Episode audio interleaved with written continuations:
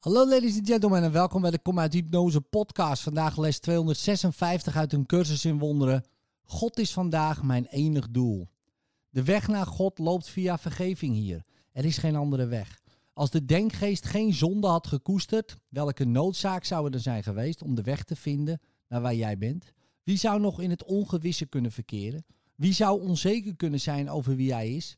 En wie zou nog kunnen blijven slapen in zware wolken van twijfel omtrent de heiligheid van hem die God zonderloos geschapen heeft?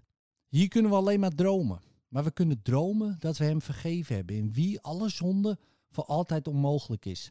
En dit is wat we vandaag verkiezen te dromen. God is ons doel, vergeving is het middel, waardoor onze denkgeest ten lange leste tot hem terugkeert. En dus Vader willen we tot u komen op de door u aangewezen weg. We hebben geen ander doel dan uw stem te horen en de weg te vinden die uw heilig woord ons heeft getoond. In liefde, tot morgen.